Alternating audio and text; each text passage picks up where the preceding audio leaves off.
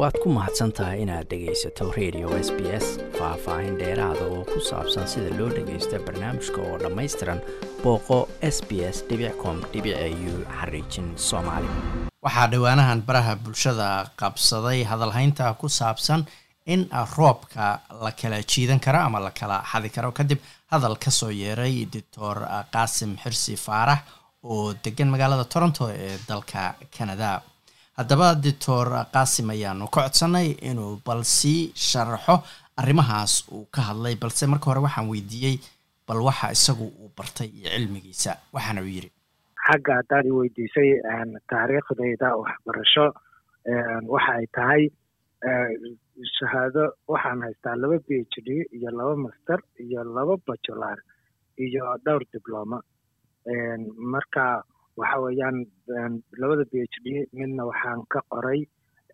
badda soomaaliya sidii weliba loo maamuli lahaa iyo khayraadka dabiiciga ee ku jira intaasaan ka qoray sharcigii marka soomaaliya lagu maamuli lahaa policy nidaamkii lagu maamuli lahaa oo policy ah intaan sharciga la gaarin taasaan ka qoray. B h d da kalena waxaan ka qoray beriga soomaaliya sidii looga joojin lahaa xaalufka oo markaa haddana dib loogu soo kabi lahaa dayacii iyo burburkii iyo dufayntii gaartay sidii dib looga soo kabi lahaa.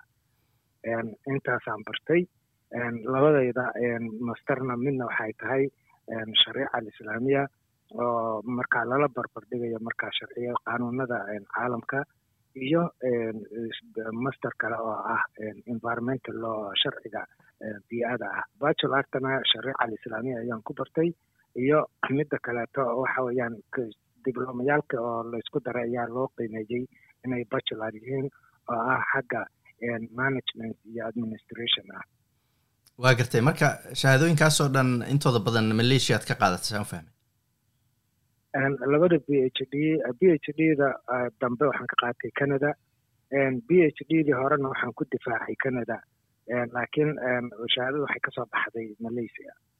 Labada masterna malaysia. Waa gartay dhowaan doctore waraysi aada bixisay.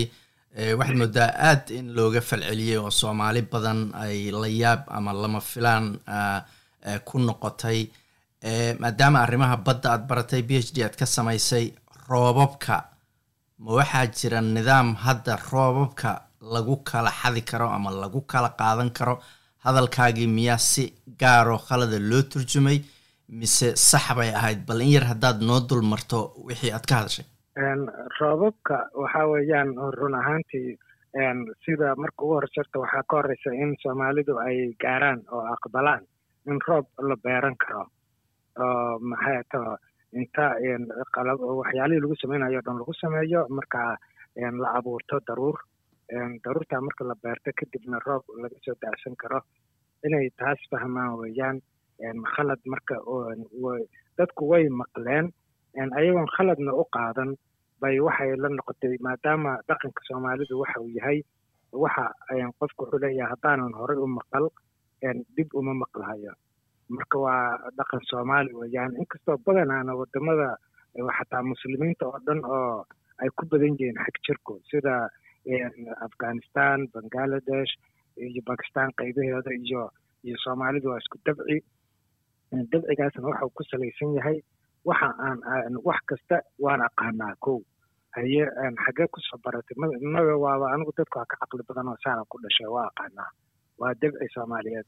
Dabcigaas marka ma ogolaan karo in uu wax cusub ay soo galaan. Waxa uu rabaa intii hore inuu ku joogo marka sidaas darteed baa xataa dadka badanaa ila talinayo ehel ahaan iyo maaragtay saaxiibnimo iyo aad ay ka dacato si fiican igula talinaya. Waxay dhahaan dadka waxaysan aqoon looma sheego dadka intay yaqaaneen keliya loo sheego. Marka haddii anigu dadka intay yaqaaneen keliya aan u sheegayo maxaan soo kordhiyey? Oo maxaata caqli iyo cilmi ah? Waa in dadkan wax ka dhiman oo aysan ogeyn aan u sheegaa. Markaas kadib wixii marka haddii markaan u sheego ha baareen inay run tahay iyo inay been tahay. Ha kala ogaadeen oo ha baareen. Laakiin aslanba ma maqli karno baa meesha ku jirta. Waxaa kaloo jirta marka nimanka wadaadaha ah oo macnaha iyaguna qaar badan baa markii ugu horreysay ka falceliyey oo ka dagaalamay oo yiri waa gaalnimo. Dib dambana yiri arrintii waan baahnay oo waxbaa ka jira oo waa wax macquula iyo yiri. Waa way soo gaartay qaarna sidii bay ku adkaysteen oo waxay leeyihiin waa gaalnimo in la yiraa roob baa la beeran karaa ama la soo daasan karaa. Marka taana waxaa iyaga laftigooda la yaabi maayo waayo waxay ka tahay dadaal oo isleeyihiin yaan qur'aankii lagu xadgudbin oo tusaale ahaan mid aad u hadlayay oo aad isu xanaajinayay baa wuxuu dhahayay dhawaankiisoo dhan wuxa uu yahay dadow hala kaco oo awoodda ilaahay hala difaaco marka awoodda ilaahay hala difaaco kelmaddaas kelmad ka xunba maba jirtoba gaalnimo hadday jirto waaba kelmaddaasba uu yiri oo isagu uu rabo inuu diin ku difaaco. Marka awoodda ilaahay in la difaaco wixii awood hadday noqdeen awood weynba hadday yihiin horta in la difaaci karaaba adag ama awood fiican ha ahaato ama awood sax ha ahaatee ama wax sax ahaadeen ama awoodda mid walba ha ahaatee.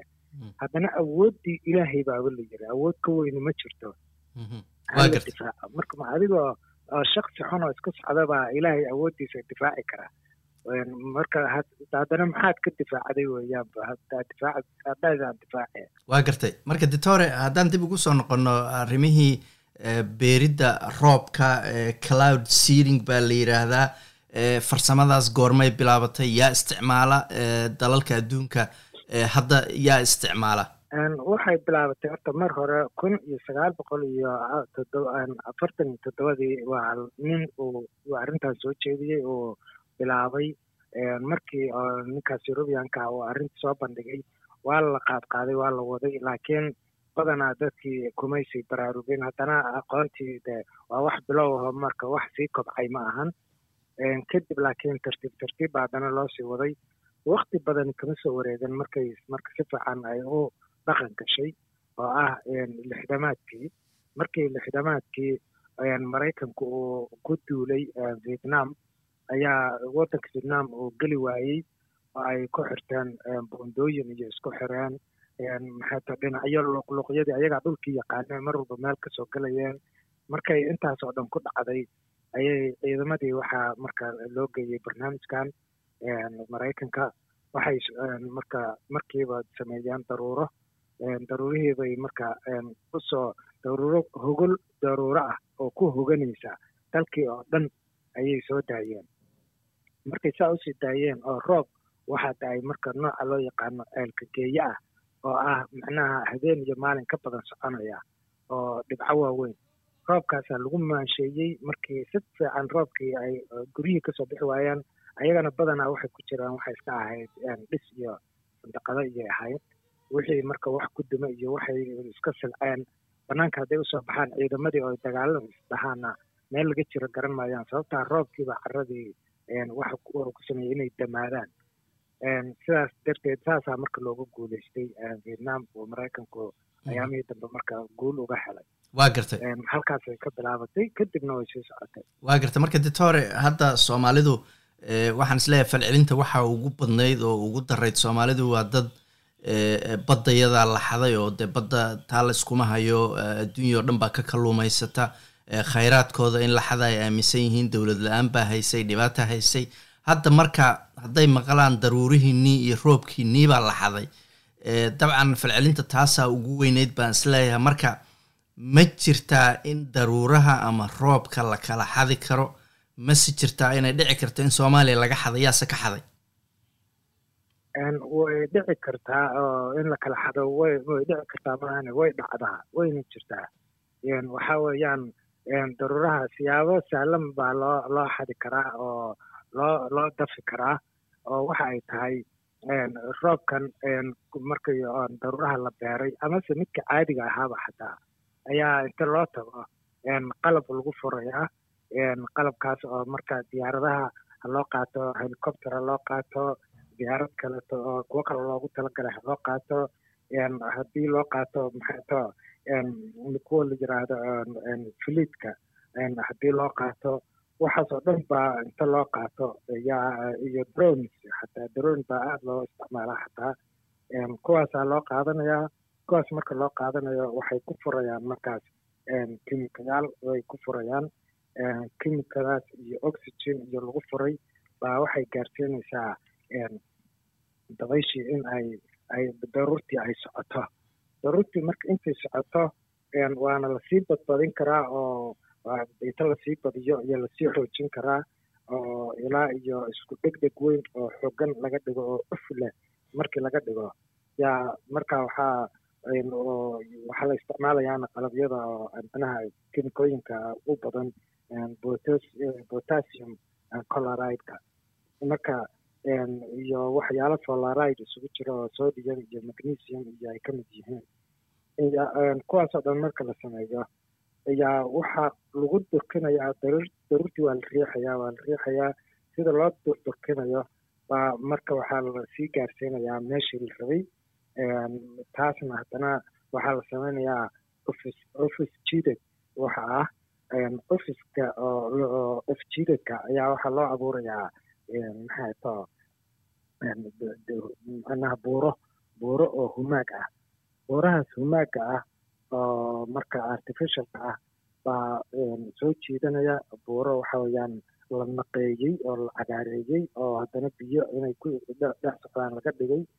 Kuwii baa beenbeen marka lagu riixayaa xaggana xoog baa looga riixayaa xaggana xeelad baa looga riixayaa oo lagu soo jiidanayaa.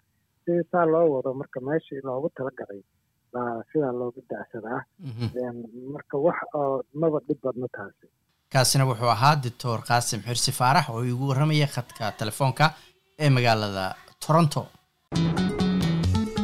Waad ku mahadsantahay inaad dhegaysato raadiyaha s b s. Toos u dhegaysa barnaamijka habeenada arbacada iyo jimcada tobanka fiidnimo. Ama kaga soo cesho website-ka iyaga iyo s b s radio app booqo s b s com au xariijin soomaali